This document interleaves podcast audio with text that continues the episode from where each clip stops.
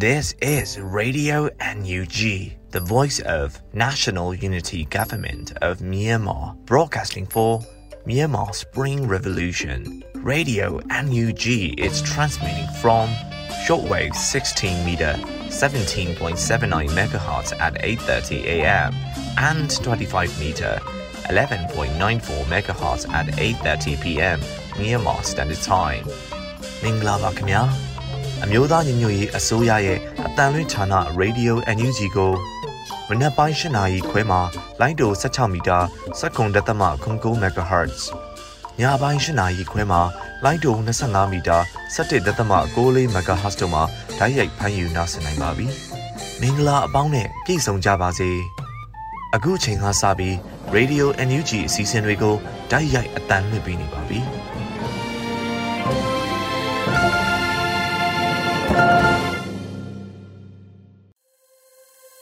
မြန်မာနိုင်ငံသူနိုင်ငံသားအပေါင်းတဘာဝပေးဆရာနာရှင်ပြီးတို့ကနေကင်းဝေးပြီးကိုစိတ်နှပါပေးကင်းလုံခြုံကြပါစေလို့ရေဒီယိုအန်ယူချီခွဲသားများကဆုတောင်းမြတ်တာပို့သလိုက်ရပါတယ်ရှင်။အခုချိန်ကစပြီးကာကွယ်ရေးဝန်ကြီးဌာနရဲ့စီးရေးသတင်းချင်းချုပ်ကိုတော့ຫນွေဦးလင်ကမှဖတ်ကြားတင်ပြပေးပါတော့မယ်ရှင်။ကာကွယ်ဝင်ကြီးဌာနအမျိုးသားညီညွတ်ရေးဆိုရမှာအောက်တိုဘာလ9ရက်နေ့2022ခုနှစ်ထုတ်ဝေတဲ့စီးရေးသတင်းချင်းချုပ်ကိုတင်ဆက်ပေးတော့မှာဖြစ်ပါတယ်။ စစ်ကောင်စီတပ်သား14ဦးသေဆုံးပြီး9ဦးထိခိုက်ဒဏ်ရာရရှိခဲ့ကြောင်းသတင်းရရှိပါရခင်ဗျာစစ်ကောင်စီနဲ့တိုက်ပွဲဖြစ်ပွားမှုသတင်းတွေကိုတင်ဆက်ပေးကြပါမယ်မွန်ပြည်နယ်မှာအောက်တိုဘာလ9ရက်နေ့မနက်10:45မိနစ်အချိန်ခန့်ကရေးမြို့နယ်ရှိရေဒရာကြီးစစ်စေးရေးဂိတ်ကိုမွန်ပြည်နယ်ခြေပြုတော်လှန်ရေးအဖွဲ့ MSRO က40မမလောင်ချာနေတွားရောက်ပစ်ခတ်ခဲ့ရာစစ်ကောင်စီတပ်ဖွဲ့ဝင်3ဦးထိခိုက်ဒဏ်ရာရရှိခဲ့ပြီးလူနာတီးနဲ့လာရောက်တဲဆောင်သွားခဲ့က ရေးတတားဖြတ်တန်းသွားလာခွင့်ကိုစစ်ကောင်စီကနိုင်ဝက်ခံပိတ်ထားခဲ့ကြောင်းသတင်းရရှိပါရခင်ဗျာအောက်တိုဘာလ9ရက်နေ့နေ့လယ်2နာရီခန့်က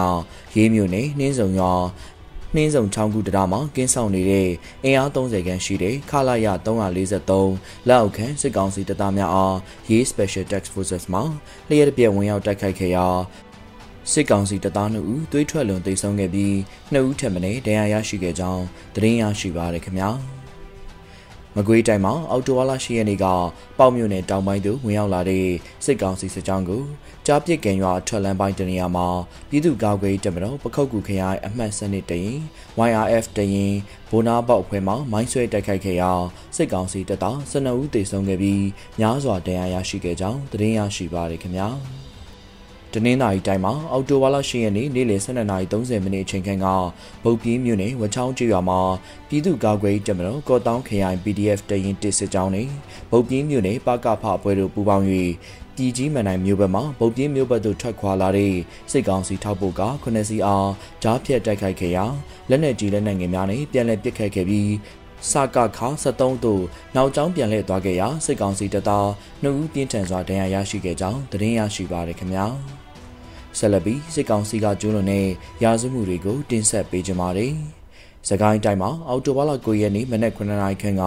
ညောင်မြို့နယ်ညောင်ကားရကျွော်သို့စစ်ကောင်စီတပ်သားများထပ်မံဝင်ရောက်ခဲ့ပြီးအဆောက်အုံရှစ်လုံးကိုမိရှို့ဖျက်ဆီးခဲ့ကြောင်းသတင်းရရှိပါရခင်ဗျာ။ အောက်တိုဘာလ10ရက်နေ့ညနေ4:30မိနစ်အချိန်ခန့်ကဗန်းမောက်မြို့နယ်ဗန်းမောက်တောင်ပိုင်းရှိအလေကန်ပါဝင်ကျေးရွာ900ကိုစစ်ကောင်စီတပ်သားများနဲ့ SND တပ်သားများကမိရှို့ဖျက်ဆီးခဲ့ကြောင်းသတင်းရရှိပါရခင်ဗျာယခုတင်ဆက်သွားတဲ့သတင်းတွေကိုမြေပြင်သတင်းတာဝန်ခံများနဲ့သတင်းဌာနတွေမှာဖော်ပြလာတဲ့အချက်လက်တွေပေါ်အခြေခံပြုစုထားခြင်းဖြစ်ပါတယ်ကျွန်တော်ကတော့ຫນွေဦးလင်ပါ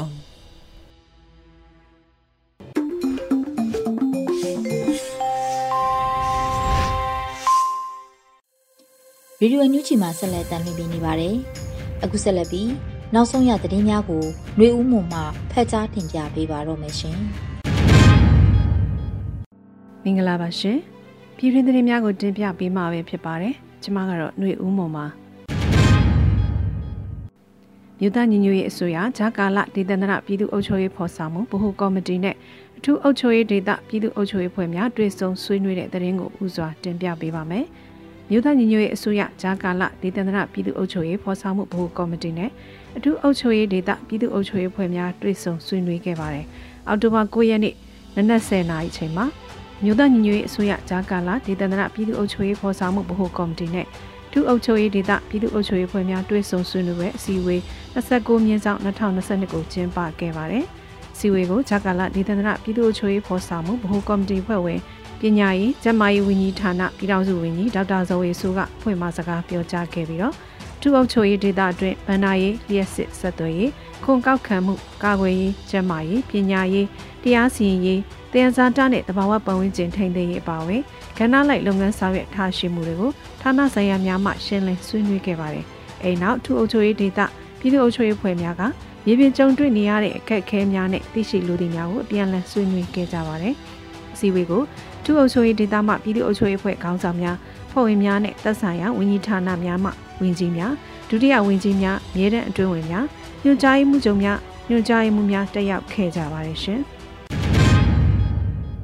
တရင်ကျွလာပြည့်နေ့ပြည်သူလူထုကိုမြို့သားညီညွတ်ရေးအစိုးရအဖွဲ့ပြည်ထောင်စုဝန်ကြီးများစုမုံကောင်းများတောင်းပေးတဲ့တရင်ကိုလည်းတင်ပြပေးကြပါမယ်။တရင်ကျွလာပြည့်နေ့ပြည်သူလူထုကိုမြို့သားညီညွတ်ရေးအစိုးရအဖွဲ့ပြည်ထောင်စုဝန်ကြီးများကစုမုံကောင်းများတောင်းပေးလိုက်ပါတယ်။ နိုင်ငံခြားရေးဝန်ကြီးဒေါ်စမအောင်ကတရင်ကျွလာပြည့်နေ့အခါသမယမှာမြမပြည်သူပြည်သားအပေါင်းတို့ငြိမ်းချမ်းသာယာသည် Federal Democracy နိုင်ငံတော်သစ်နဲ့နေ့ရက်သများကိုပိုင်ဆိုင်နိုင်ပါစေကြောင်းဆုမွန်ကောင်းတောင်းအပ်ပါတယ်လို့ဆုတောင်းပေးပါတယ်။လူခွင့်ရဝန်ကြီးဦးအောင်မျိုးမင်းကဒေါ်လန်သတင်းကျွတ်မှသည်အောင်မွဲသတင်းကျွတ်စီတို့အသွေးအသက်ကိုတိုင်တယ်၍တာဝန်များကိုကြိုးပမ်းထမ်းဆောင်သွားမည်ဖြစ်ကြောင်းဆုမွန်ကောင်းတောင်းပြောကြားပါတယ်။တယန်စန်တာနဲ့တဘာဝပတ်ဝန်းကျင်ထိန်းသိမ်းရေးဝန်ကြီးဒေါက်တာတူကောင်က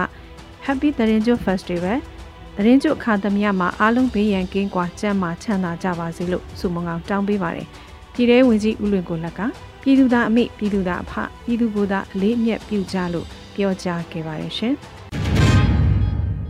နောက်ထပ်သတင်းတစ်ပုဒ်ကတော့ပြည်သူ့ခုခံတွန်းလှန်စစ်အပါအဝင်ဆောင်ရွက်နေသူများအားလုံးအမြဲဆုံးပြည်တော်ဝင်နိုင်ကြပါစေလို့ကာကွယ်ဝန်ကြီးဌာနကစုမုံကောင်းတောင်းပေးလိုက်တဲ့သတင်းပဲဖြစ်ပါတယ်။ ပြည်သူ့ခုခံတွန်းလှန်စစ်မှာပါဝင်နေကြသူများအားလုံးအမြဲဆုံးပြည်တော်ဝင်နိုင်ကြပါစေလို့ကာကွယ်ဝန်ကြီးဌာနကစုမုံကောင်းတောင်းလိုက်ပါတယ်။အော်တိုဘာ9ရက်နေ့မှာကာကွယ်ဝန်ကြီးဌာနကအသိပေးဖော်ပြပါတယ်။ယနေ့1384ခုနှစ်တရင်ကျွလာပင်နှင့်ဗိဓမာနီမှစာပြီးစစ်မှန်သောပြည်သူခုခံတွန်းလှန်စစ်တွင်စိတ်ပိုင်းရုပ်ပိုင်းပါဝင်ဆောင်ရွက်နေသူများအားလုံးကိုစိတ်နှဖျားချမ်းသာချမ်းသာပြီးအမြန်ဆုံးပြည်တော်ဝင်နိုင်ကြပါစေကြောင်းဆုမွန်ကောင်းတောင်းအပ်ပါတယ်လို့ဆိုပါတယ်။ လက်ရှိမှာပြည်သူခုခံတွန်းလှန်စစ်ကိုလာမယ့်တစ်နှစ်အတွင်းပြီးသက်မယ်လို့ NUG အစိုးရကကြေညာထားပါတယ်ရှင်။လူတော်လေးအောင်ပွဲအရောက်တောက်လျှောက်ချီတက်ကြမယ်လို့ပြည်ထောင်စုဝန်ကြီးဒေါက်တာဝင်းမြတ်အေးပြောကြားတဲ့အကြောင်းအရာကိုလည်းဆက်လက်တင်ပြပေးပါမယ်။လူတော်လေးအောင်ပွဲအရောက်တောက်လျှောက်ချီတက်ကြမယ်လို့ပြည်ထောင်စုဝန်ကြီးဒေါက်တာဝင်းမြတ်အေးကပြောကြားလိုက်ပါတယ်။အောက်တိုဘာ9ရက်နေ့မှာပြည်ထောင်စုဝန်ကြီးဒေါက်တာဝင်းမြတ်အေးကလူမှုကွန်ရက်မှာရေးသားပြောပါတယ်။ တတန်နဲ့ညီတချီတဲ့ယုံကြတယ်တော်လေးအင်အားစုများကမရတော့ဘူးဟဲ့သွေးခွဲလို့ချိန်ဆွဲလို့လမ်းလွှဲလို့ညီကြသည်ကြီးကြသည်တီးကြသည်ခြီကြပြီးအောင်မွဲအရောက်တောက်လျှောက်ပဲလာမယ့်သတင်းကျွတ်လွတ်လွတ်လပ်လပ်ပြောကြမယ်လို့ဆိုပါတယ်2021ခုနှစ်ဖေဖော်ဝါရီလရက်နေ့မှာစစ်တပ်ကနိုင်ငံတော်အာဏာကိုမတရားသိမ်းယူခဲ့တာဖြစ်ပါတယ်ရှင်ဒူဝင်ကြီးဒေါ်ဤတင်စာမောင်ကော်ပိုရာစစ်ကြောင်းတို့တွားရ၍ဒေါ်လင်းရဲပုံများနဲ့တွေ့ဆုံတဲ့သတင်းကိုလည်းတင်ပြပေးပါမယ် ဒူဝင်ကြီးဒေါ်ဤတင်စာမောင်ဟာကော်ပိုရာစစ်ကြောင်းတို့တွားရောက်ပြီးဒေါ်လင်းရဲပုံများနဲ့တွေ့ဆုံခဲ့ပါတယ်အော်တိုဘာ9ရက်နေ့မှာကော်ပိုရာစစ်ကြောင်းကဘူမိုးကျိုးကအသိပေးပြောဆိုပါတယ်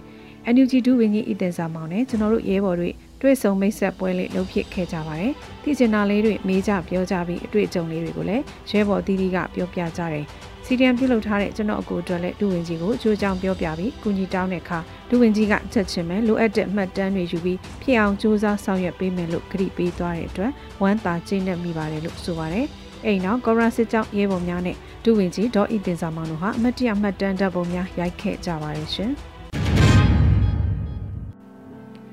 လက်နက်တက်ဆင်မှု15ရာခိုင်နှုန်းအထက်တိုးတက်မှုရှိလာတယ်လို့ကာကွယ်ဝန်ကြီးဌာနအတွင်းဝင်ပြောဆိုတဲ့အကြောင်းအရာကိုလည်းဆက်လက်တင်ပြပေးပါမယ်။လက်နက်တက်ဆင်မှု15ရာခိုင်နှုန်းအထက်တိုးတက်မှုရှိလာတယ်လို့ကာကွယ်ဝန်ကြီးဌာနအတွင်းဝင်ဦးနိုင်ထူအောင်ကဆိုပါတယ်။အော်တိုဘလာတွင်သတင်းဌာနတစ်ခုနဲ့မေးမြန်းရမှာကာကွယ်ဝန်ကြီးဌာနအတွင်းဝင်ဦးနိုင်ထူအောင်ကပြောကြားခဲ့ပါတယ်။လက်နက်တက်ဆင်မှုကတော့တိုးတက်မှုရှိပါတယ်။အရင်တုန်းကတော့15ရာခိုင်နှုန်းပေါ့။အဲ့ထက်ကျော်လာပြီလို့ပြောလို့ရပါတယ်။သို့တော့ပြည်သူလူထုတွေရဲ့ပါဝင်မှုတိုးတက်လာတာနဲ့ လက်နက်တပ်ဆင်မှုအင်အားမြင့်လာတာရှိပါတယ်လို့ဆိုပါတယ်။လက်ရှိမှာအမျိုးသားညီညွတ်ရေးအစိုးရဟာ EU ရေရှယ်ယာများရောင်းချရငွေနဲ့ဝေလိုက်စာချုပ်များရောင်းချရငွေမှကာကွယ်ရေးအသုံးစရိတ်ကို65ရာခိုင်နှုန်းထိအသုံးပြုလျက်ရှိပါတယ်ရှင်။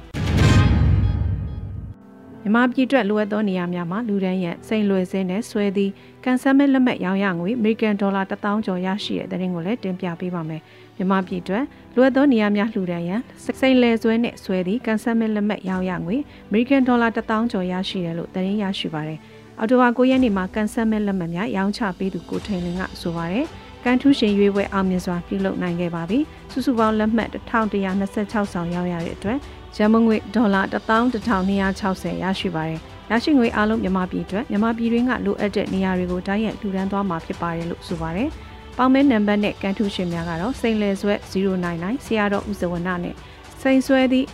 956ကိုဝီလီယံဒလီစီတီတို့ဖြစ်ပါတယ်။ခုစီစဉ်အတွက်လက်ဝိရတနာလှူဒန်းခဲ့တဲ့နမငယ်လက်မှတ်နဲ့ကြော်ညာဒီဇိုင်းလုပ်ပေးတဲ့ကိုဝင်းလိုင်း digital လက်မှတ်များပြုလုပ်ပေးတဲ့ CRPH OFB Team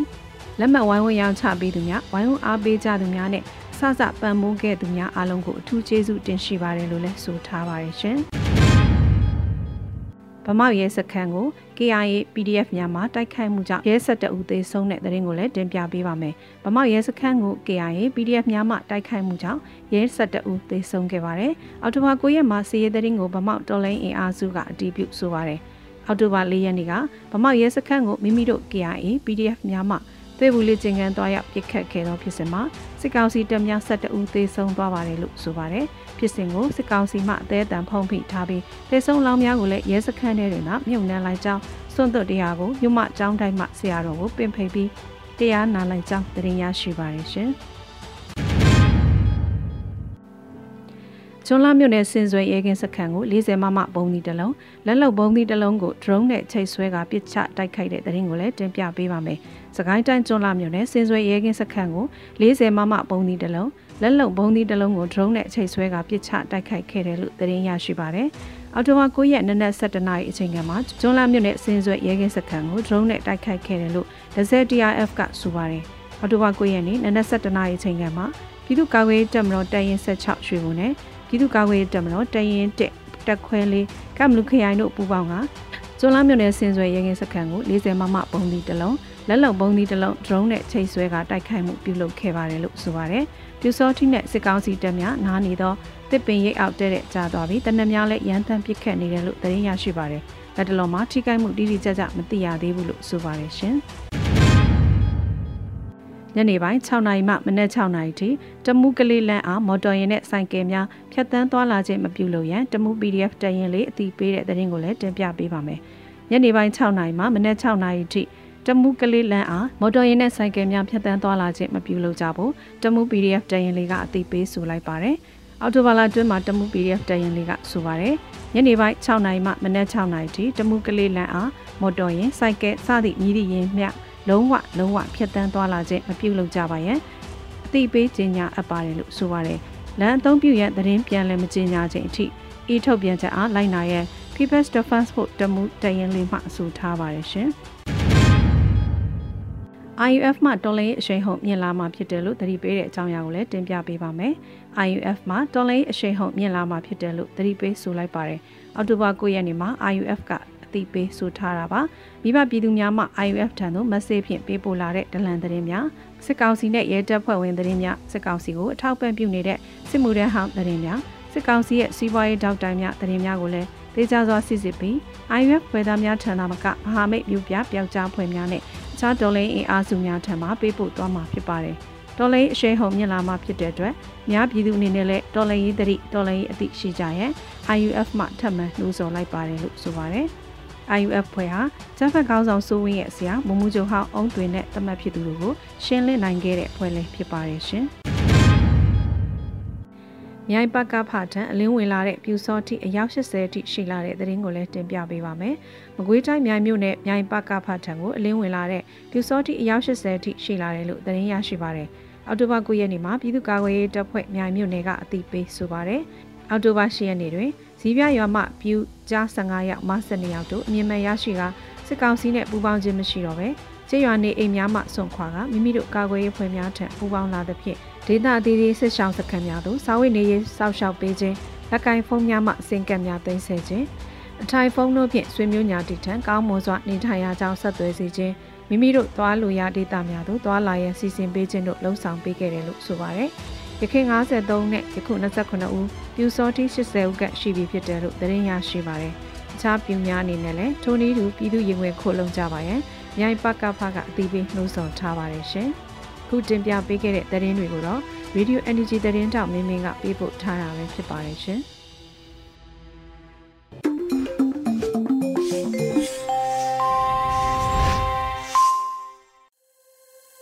ရေဒီယိုအန်ယူဂျီပရိသတ်တွေအတွက်ကူးဆက်လက်ပြီးထုတ်လွှင့်ပေးမယ့်အစီအစဉ်ကတော့တော်လန်ရေးကြပြအစီအစဉ်ဖြစ်ပါတယ်။ရန်လင်းအောင်ရေးသားပြီးလွတ်လပ်နေဦးရွတ်ဖတ်ထားတဲ့သတင်းကျွတ်ပီလားလို့အမည်ရတဲ့တော်လန်ရေးကြပြကိုနားဆင်ကြရတော့မှာဖြစ်ပါတယ်ရှင်။ တည်တင်းကျွတ်ပီလားဘဝတွေသွေးတွေရင်းခဲ့ပြီးပြီ။သားတွေရင်းခဲ့ပြီးပြီ။သမီးတွေရင်းခဲ့ပြီးပြီ။အဖေတွေအမေတွေလည်း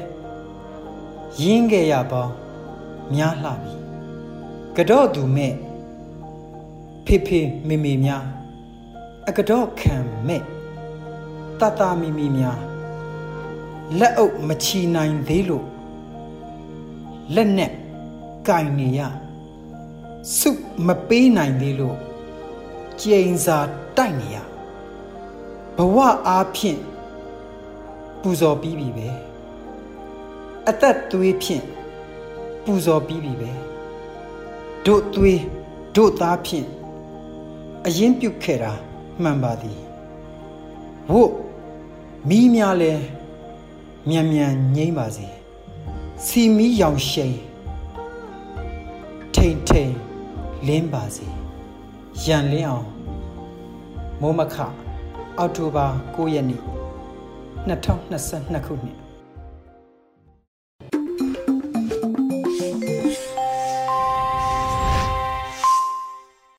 ရေဒီယိုညူချီမှာဆက်လက်တင်ပြနေပါတယ်။အခုဆက်လက်ပြီးပြည်သူခုခံစစ်တရင်များကိုကြော်နေဦးမှဖက်ကြားတင်ပြပေးပါရမရှင်။ ပထမဦးစွာဗမောက်မြို့မှရဲစခန်းကို KIA နဲ့ PDF ပူးပေါင်းတိုက်ခိုက်ခဲ့မှုရဲတပ်ဖွဲ့ဝင်12ဦးသေဆုံးတဲ့တဲ့တင်တင်ဆက်ပါမယ်။စကိုင်းတိုင်းဗမောက်မြို့နယ်မှာဗမောက်မြို့မှာရဲစခန်းကို KIA နဲ့ PDF ပူးပေါင်းတပ်များကဝင်ရောက်တိုက်ခိုက်ခဲ့ရာအကြမ်းဖက်စစ်ကောင်စီလက်အောက်ခံရဲတပ်ဖွဲ့ဝင်12ဦးသေဆုံးခဲ့ကြောင်းဒေသ PDF သတင်းရင်းမြစ်ကဆိုပါတယ်။အော်တိုဘာလ4ရက်နေ့မှာဗမောက်မြို့နယ်ရှိမြို့မရဲစခန်းကို PDF နဲ့ KIA ပူးပေါင်းတပ်များကဝင်ရောက်တိုက်ခိုက်ပြီးတဲ့နောက် ဇက်တိုက်တိုက်ပွဲများဖြစ်ပွားခဲ့ကြောင်းစစ်ကောင်စီတပ်ဖက်မှအထိနာနေတာကြောင့်တိုက်လေရင်များအုံပြုပစ်ခတ်ခဲ့ကြောင်းဒေသခံထောင်ချီ၍ထွက်ပြေးတင်းရှောင်နေရပြီးတိုက်လေရင်ဖြင့်ပစ်ခတ်မှုကြောင့်လူနေအိမ်များမီးလောင်ခြင်းကျေးရွာများပျက်စီးမှုများများပြားခဲ့ကြောင်းအဲဒီနောက်ဗမောက်မြို့နယ်ရဲစခန်းကိုတိုက်ခိုက်မှုမှာရဲတပ်ဖွဲ့ဝင်12ဦးသေဆုံးခဲ့ကြောင်းဒေသကာကွယ်တပ်ဖွဲ့ထံမှသိရပါဗျ။ဆက်လက်ပြီးတန်တောင်ကြီးမှာတိုက်ပွဲဖြစ်ပွားပြီးစစ်တပ်ဖက်မှ9ဦးသေဆုံးတဲ့တဲ့တင်တင်ဆက်ပါမယ်။ ကရင်ပြည်နယ်တန်တောင်ကြီးမြို့နယ်ကွင်းချောင်းကျေးရွာနီးမှာတိုက်ပွဲဖြစ်ပွားပြီးစစ်တပ်ဖက်မှ9ဦးသေဆုံးကြောင်းရေတာရှည်မြို့နယ် PDF တပ်ဖွဲ့ထံမှသိရပါဗျ။ကွင်းချောင်းရွာနီးစစ်ကြောင်းထိုးလာတဲ့အကြမ်းဖက်စစ်တပ်ကိုတက်ရင်3931ခွဲ3ရိုးမကြားတပ်ဖွဲ့ရဲ့ရေတာရှည်မြို့နယ် PDF တပ်ဖွဲ့မှအော်တိုဘာ6ရက်နေ့နနက်7:53မိနစ်ခန့်မှာစတင်တိုက်ခိုက်ခဲ့ပြီးတိုက်ပွဲဖြစ်ပွားကအကြမ်းဖက်စစ်တပ်ဖက်မှ9ဦးသေဆုံးခဲ့တာပါ အကြမ်းဖက်စစ်တပ်ဟာ16ဦးပါစစ်ကြောင်းတစ်ကြောင်းနဲ့35ဦးစစ်ကြောင်းတစ်ကြောင်းတို့ဖြင့်နှစ်ဖွဲ့ခွဲကာတိုက်ခိုက်ခဲ့ခြင်းဖြစ်ပြီးစစ်သား16ဦးပါစစ်ကြောင်းကိုရီတာရှီ PDF တပ်ဖွဲ့ကတိုက်ခိုက်ခဲ့ပြီး9ဦးသေဆုံးခဲ့ကြောင်းစစ်သား35ဦးပါစစ်ကြောင်းဟာကွင်းချောင်းရွာအတွင်းသို့ဝင်ရောက်ခါစိတ်တဲများကိုမိရှို့ဖျက်ဆီးသွားကြောင်းရီတာရှီမြို့နယ်ပြည်သူ့ကာကွယ်တပ်မတော်ရိုးမကြားတပ်ဖွဲ့မှထုတ်ပြန်ထားပါတယ်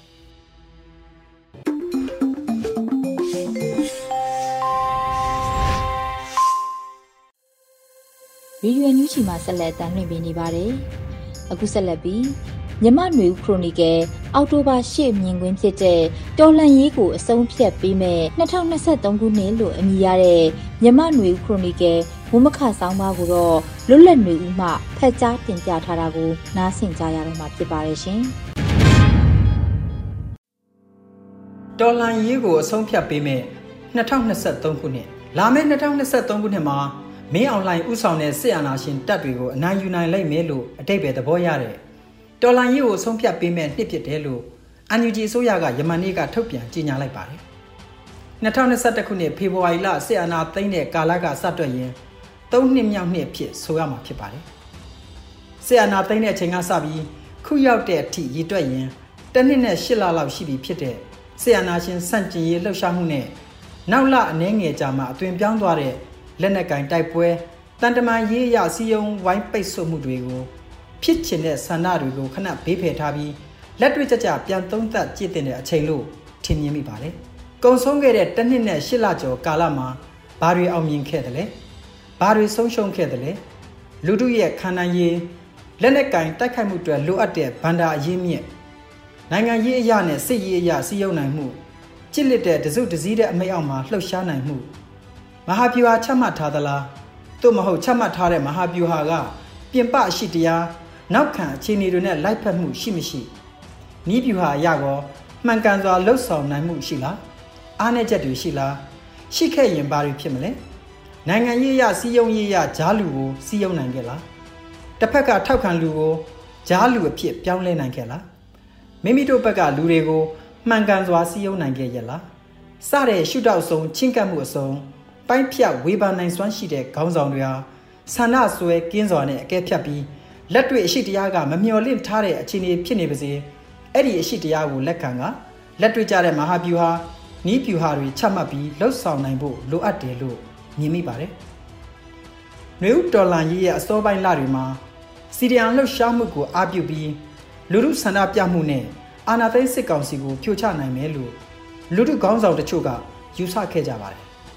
စီရီယန်ဝန်ထမ်းတွေနဲ့လူထုကိုသတင်းပတ်နှစ်ပတ်ကြာတောက်ခံနိုင်ရင်အောင်ပြီလို့စိတ်အားတက်ကြွစေမဲ့ပြောဆိုမှုတွေနဲ့စီယုံခဲ့ကြတာတွေ့ရပါတယ်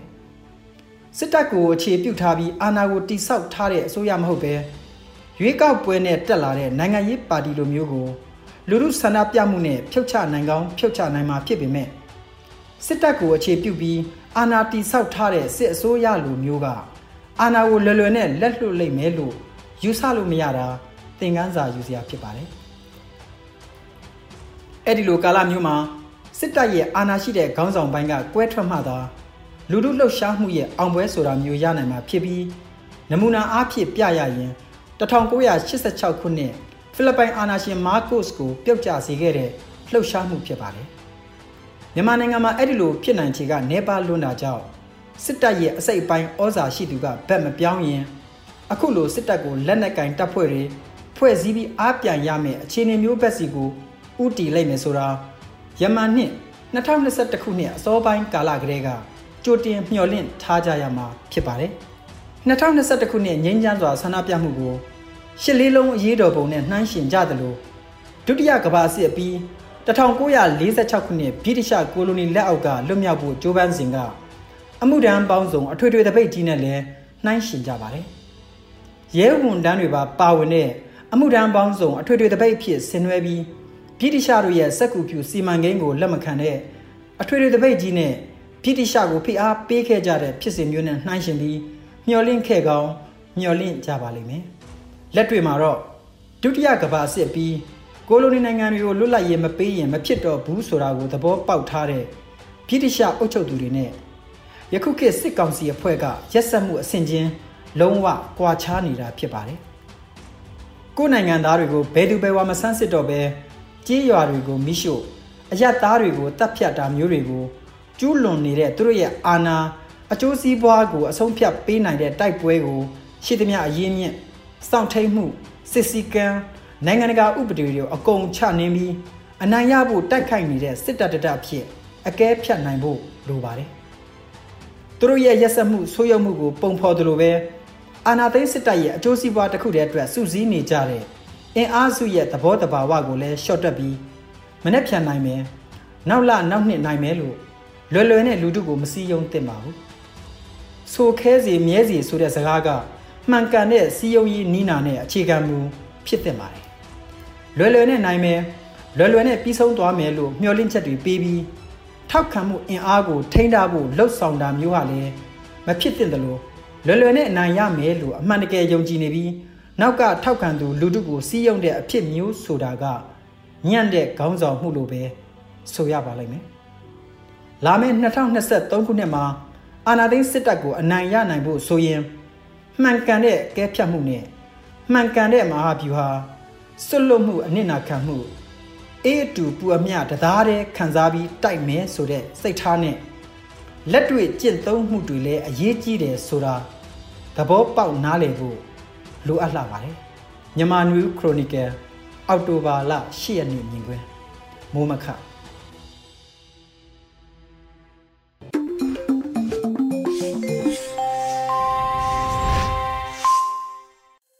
ဗီဒီယိုအန်ယူဂျီမှာဆက်လက်တင်ပြနေပါတယ်။ဒီနေ့ရဲ့တော်လှန်ရေးတေဂီတာအစီအစဉ်မှာတော့တေဂီတာ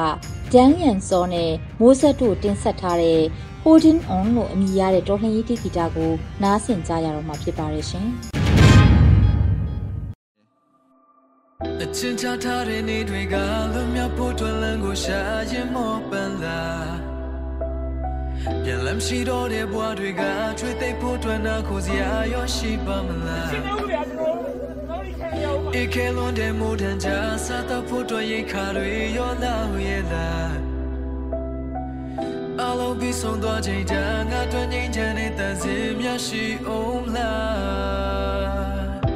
အပြေရှာမရတဲ့အိမ်မက်လို့ကြောက်ကြောက်ချနေ Yeah ရှင်လိုမျိုးပြရဲ့ညတွေငါမျောလင်းစေငါမျောလင်းစေ